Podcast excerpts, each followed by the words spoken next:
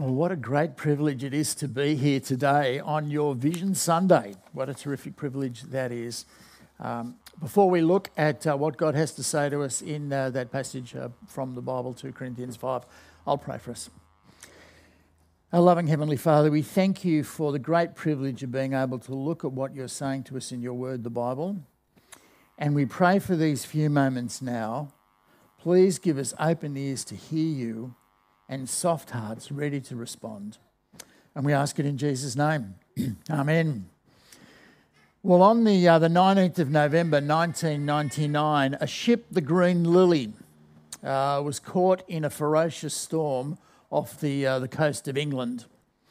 Uh, suffering from engine failure, uh, the ship was drifting towards the rocky coastline.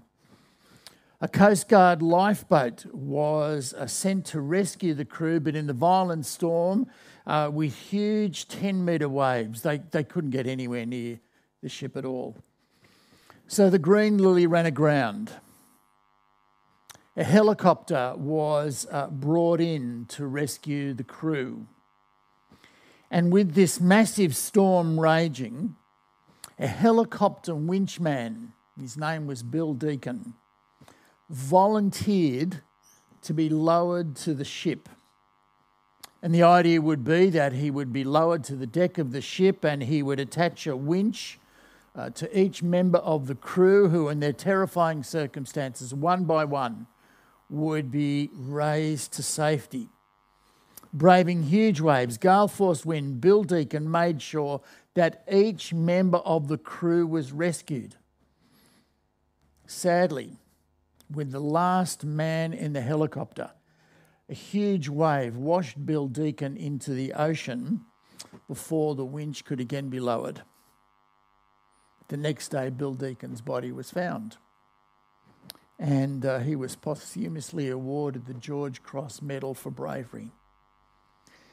Now, what makes all of this rescue, this extraordinary rescue, all the more amazing was that the inquest into the loss of Bill Deacon's life, it was discovered that a factor contributing to his death was the poor attitude of the crew of the Green Lily. Apparently, the crew failed to realise the great danger they were in. And it was reported that they behaved like they were on a picnic. What? No, we're not in trouble. Everything's fine. What's going on? Bill Deacon sacrificed his life for them. Imagine you're one of the ship's crew, you're safe in the helicopter, you're looking down, you see a huge wave wash Bill Deacon into the raging ocean after he has saved your life. How, how would you feel? Having experienced such a rescue, you can never be the same. You'd live with gratitude thankfulness for the man who'd saved your life, especially since he'd lost his life in the process, and especially since you'd been so casual, so offhand in your attitude towards his rescue. Well, how much more? How much more should we give thanks to Jesus for his great rescue of us, his sacrifice for us, his death on the cross? But why is Jesus there? Why is Jesus on the cross? So we need to be clear Jesus' sacrificial death on the cross, it is no accident of history. It's not an accident. It's not, whoops, this is, when, this is not how I planned it. It was because of love. Despite the fact none of us has loved God as we should, despite the fact that in some way each of us has rebelled against Him, ignoring Him, not listening to Him, not honoring Him as we should, Jesus loves us. Our ship was sinking, our lives were in peril, and Jesus rescued us. Jesus proved His love, rescuing us from an eternity without God by dying on the cross, taking our punishment for us turning away from God. This is amazing. And in that Bible reading, we just had 2 Corinthians 5 11 to chapter 6, verse 2. And it'd be great if you're able to follow uh, your Bible or in your device. Uh, the Apostle Paul will tell us that Jesus changes everything. Jesus changes everything. especially in our attitude to life, especially in our attitude to our life. And Jesus changes everything with how we see the world around us. Why? Why does Jesus change everything? Well, three things. Jesus changes everything because Christ's love compels us. Jesus changes everything because we are now Christ's ambassadors. And Jesus changes everything because the days are urgent. So, three things Christ's love compels us, we are Christ's ambassadors, and the days are urgent. Let's think about each one. Christ's love compels us. Verse 14, chapter 5, verse 14. Christ's love compels us because we are convinced that one died for all and therefore all died. And he died for all that those who live should no longer live for themselves, but for him who died for them and was raised again. Can you see what God is saying to us this morning through the Apostle Paul? This is what God is saying to us. Have a look at that word convinced. This is the Apostle Paul's conviction. Having given it thought, having given it great consideration, Paul is convinced Christ's love for you and me took him to the cross. Paul is convinced that Jesus' death and resurrection makes available forgiveness for any person. Forgiveness for any person who would turn to him in repentance and faith. Paul is convinced that because of the love of Christ, those who live should no longer live for themselves, but for him who died for them and was raised again. So I want to ask you this morning is this your conviction? God is saying to us today that because of Christ's love, everything changes. It is a massive reset. Life is no longer about me. Our old life is over. Everything, everything is now about Jesus motive, goals, dreams, ambitions, desire, plans, time, thinking, lifestyle, everything is about Jesus. Uh, for Paul, Christ's love, this amazing love, it changes everything. It drives, it pushes, it motivates Paul to see the world differently. And it compels Paul to speak to the world around him, to speak of the saving love of Jesus. Paul challenges the Corinthian Christians as he is challenging us this morning in Christ, you are made new. In Jesus, you have a new agenda, a new program. And Paul is convinced about this. Again, are you convinced about that? Paul values this new life in Christ more than anything, not the things of the world, not the things that are here today and gone tomorrow, but Jesus. Jesus who loved him, Jesus who laid down his life for him. Now, for some here this morning, this might be a new thought, new idea. Oh, I didn't. Oh, I hadn't really thought about Jesus like that. I hadn't really thought about oh his love for me, his rescue, his death and resurrection. Now that's you. Today is a good day to say thank you. Respond to Jesus' love by following him, trusting him. Thank you, Jesus. I, I, following Jesus is not just a good way to live, it is the only way to live. So, if that is you, can I urge you, talk to someone in the ministry team here, talk to Mark, uh, chat with someone you know so that you too can be convinced. Make that decision. I haven't been following Jesus. I want to become a Christian. I'm going to follow Jesus. Have a chat to Mark so you can get some resources to help you on that way. For others here this morning, being convinced about Jesus' love means being refreshed, reinvigorated, reminded, renewed. This is what life is about. So I want to urge you resolve to take steps to grow in your convictions, soak it in.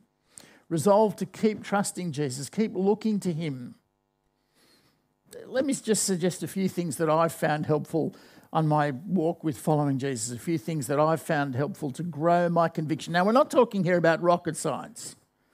These are really simple things. Things like, for example, the devotion to God's word, resolve to put in place some sort of plan to regularly read your Bible. Regularly reading the Bible will help you grow in your conviction. I want to grow in my conviction about Jesus. Put in place a plan to read the Bible regularly.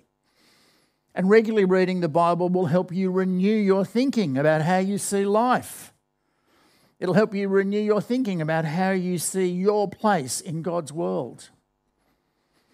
But then there's a devotion too, something I found really it's interesting, a devotion to keep regularly meeting together. Now, I don't know about you, but when COVID was in full swing and you'd sit and watch it on the screen, I, I just don't think I realised how much I reg- missed regularly meeting with others.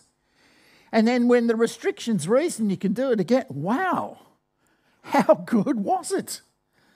To be regularly meeting Sunday after Sunday to encourage one another to sing God's praises, to have cups of tea and coffee and chat.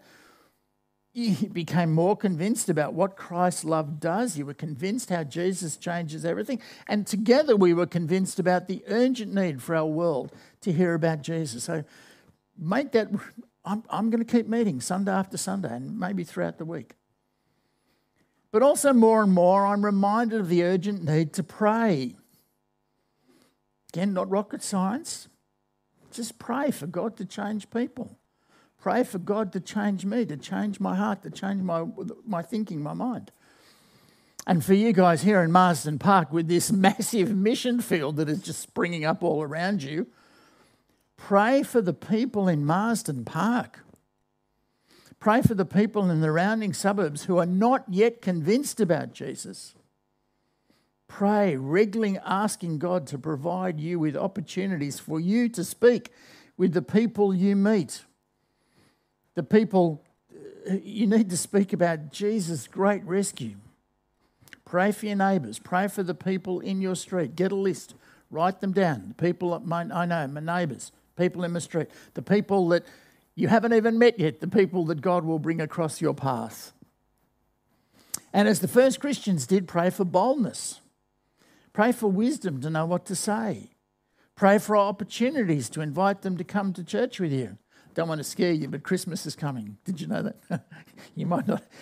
Christmas is coming. It's just around the corner, but it's a whole lot of ready made opportunities for you to invite others with you. Come to church with me. Let's celebrate Christmas together. And if you're not sure what to say, have a chat with Mark or myself again. We've got plenty of resources to help you get started with that conversation. Keep praying and be ready to see how God will answer your prayers. See, Christ's love compels us. Jesus changes everything, but is Jesus changing you? Well, secondly, we're Christ's ambassadors. So have a look at verses 18 to 20. All this is from God who reconciled us to himself through Christ and gave us the ministry of reconciliation, that God was reconciling the world to himself in Christ, not counting people's sins against them. And he's committed to us the message of reconciliation. We are therefore Christ's ambassadors, as though God were making his appeal through us.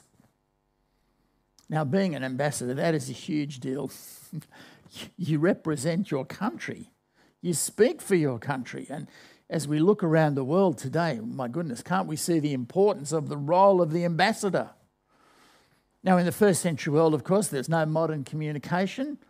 Impossible for the king, the ruler, to be everywhere. So the ambassador represented the king. The ambassador delivered the king's message. The ambassador spoke directly on behalf of the king. And again, I wonder can you see what God is saying to us through Paul? As Christians, followers of Jesus, you and me, we are Christ's ambassadors. And what is our message? Well, it's a message of reconciliation. It's a message of peace and of love. It's a message of hope. Why do we, why do we need this? Well, here are the facts. God is our loving ruler, and despite this, we, we just don't treat him as we should. And rather than trust him, rather than look to him, we've rebelled. Thinking we know better, sadly, thinking we know better, uh, we trust, we look to the things of this world. And, and rather than depend on him, again, sadly, we li- try to live independently of him. Sometimes we live as if he doesn't even exist. And that's sin. And sin cuts us off from God, it makes us enemies with him. And what is the result?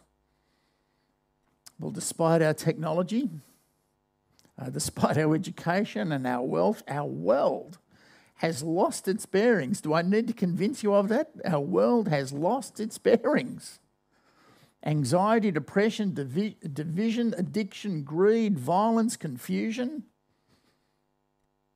Our world laughs at God, mocking Him, yet our world is full of fear, desperately searching for lasting peace and hope.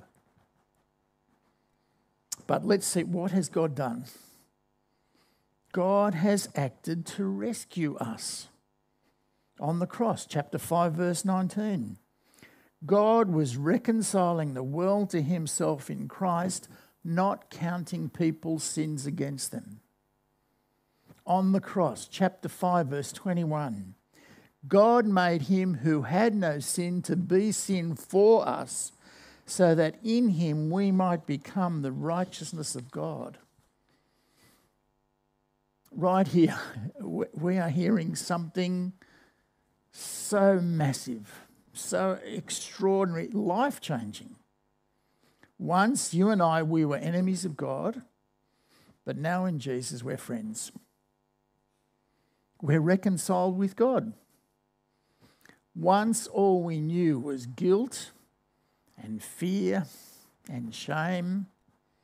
Now we have peace. Now we have hope.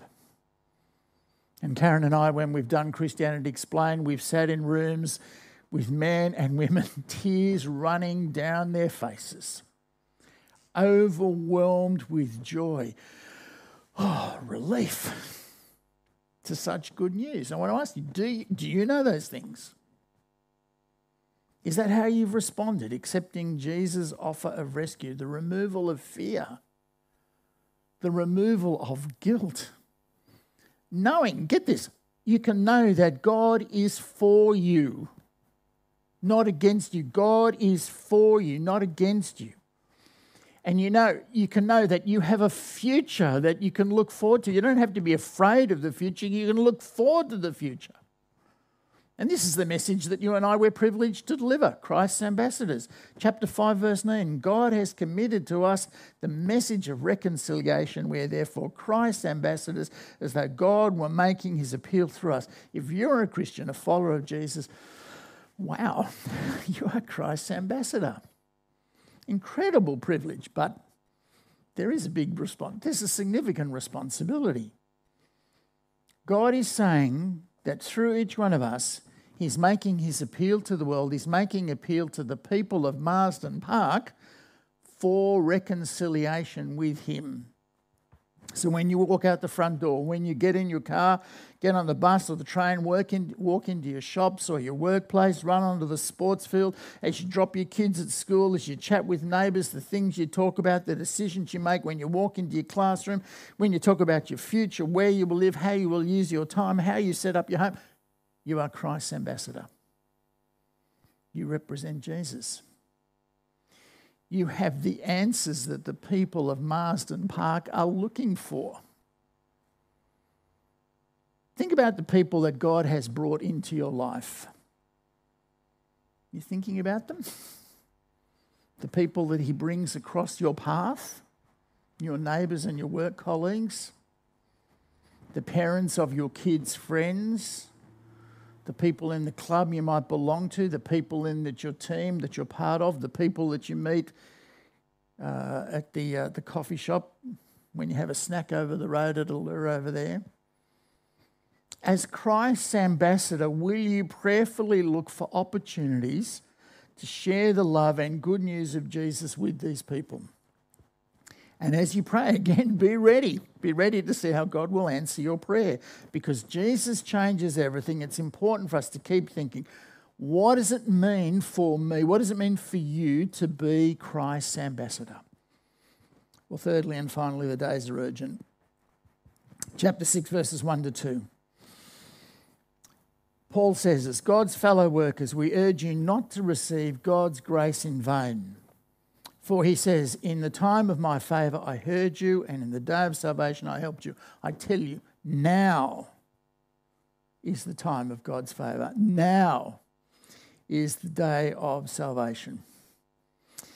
Uh, several years ago, Bruce Willis uh, was in a movie called Sixth Sense. Has anyone seen the movie? A few of you have seen it. Uh, great movie. Uh, Bill, Bruce Willis is the uh, classic action movie star. You think all these Die Hard movies. But if you've seen Sixth Sense, he's cast as a psychologist. Now, after you've seen Bruce Willis in Die Hard, you're thinking, how could he be a psychologist? but in this movie, he met a boy who could see dead people. Now, it's a powerful movie because it reminds me when I go for a walk and I see people in uh, my street. We live in Glenbrook, and when I go to the local shops in Glenbrook, when I hang out with friends, when we have a, a coffee in the local cafe. Now, this is heavy stuff unless these people have put their trust in Jesus, they are just like dead people. They are people destined for an eternity without Jesus. And that is heartbreaking. That is heartbreaking. And it should create within us a sense of urgency because these people desperately need Jesus to give them life, to give them eternal life. In chapter 5, verse 10, which we didn't read, the Apostle Paul reminds us that we all must appear before the judgment seat of Christ. Now, if your trust and hope is in Jesus, appearing before Jesus on that last day, man, I've got to tell you, that is something you can look forward to. Finally, to be at home with our Lord. What a joy that will be. But for anyone who has rejected Jesus, who's not put their trust and hope in him, that last day appointment, that will be a terrible thing. And that is why in chapter 5, verse 11, Paul starts with saying, Since then we know what it is to fear the Lord, we try to persuade others as best we can, gripped by this urgent, urgency. We prayerfully, lovingly try to persuade people Turn back to Jesus. Urging them, stop rejecting him, please. Respond to his love, his offer of forgiveness. Uh, talking to people about Jesus, reaching a world like ours, it, it's not just the hobby of a few people. It's not just for the extrovert or the specialist or the minister knowing that we must all appear before the judgment seat of Christ, gripped by this urgency, knowing Christ's love, knowing that we are all Christ's ambassadors, reaching a world like ours, it is a responsibility for any person who calls themselves Christian, not an optional extra. We're all called to share the good news of Jesus. Let me take you back to that wreck ship, the Green Lily. If you're a Christian, you were once a crew member on that ship. Now, having res- been rescued by Jesus, you can never be the same. How much more is it true from what God has been saying to us this morning that Jesus changes everything? Jesus loves you. Jesus died for you. Your sin is paid for. You're reconciled to God through Jesus. You're an ambassador for Christ, God's co worker. All because of God's amazing grace. Jesus has rescued you. you can never, we can never be the same. But consider this our world is on that ship. People in Marsden Park and the surrounding suburbs, they are on that ship people around where you live, people you know, family, friends, work colleagues, neighbours, they are on that ship. And they are in danger of perishing, in danger of spending an eternity without God. The clock is ticking, the ship is about to break up, their lives are about to be lost. Yet remember this We know the winchman. We know the one who can save them. We know the one who can rescue them. We know Jesus. Therefore, as you think about the weeks and months and even years ahead on this Vision Sunday, will you prayerfully look for opportunities to introduce them to Jesus so they too can be saved and rescued by him? Jesus changes everything. Three reasons to speak about Jesus Christ's love compels us, we're all Christ's ambassadors, and the days are urgent. Let me pray about those things. Heavenly Father, we do thank you for Jesus. We thank you for his amazing love. Thank you that in Jesus our sin is taken away and we have peace and forgiveness and reconciliation with you. Thank you that we are made new. Thank you for the privilege of being your ambassadors, of being able to speak of your amazing love and hope and peace. And as your ambassadors, we pray that you'd please help us to honour you in all we do. Please give us that sense of urgency. And we pray for our church. Please help us to be ready to speak your word of life to a world so desperately needing it.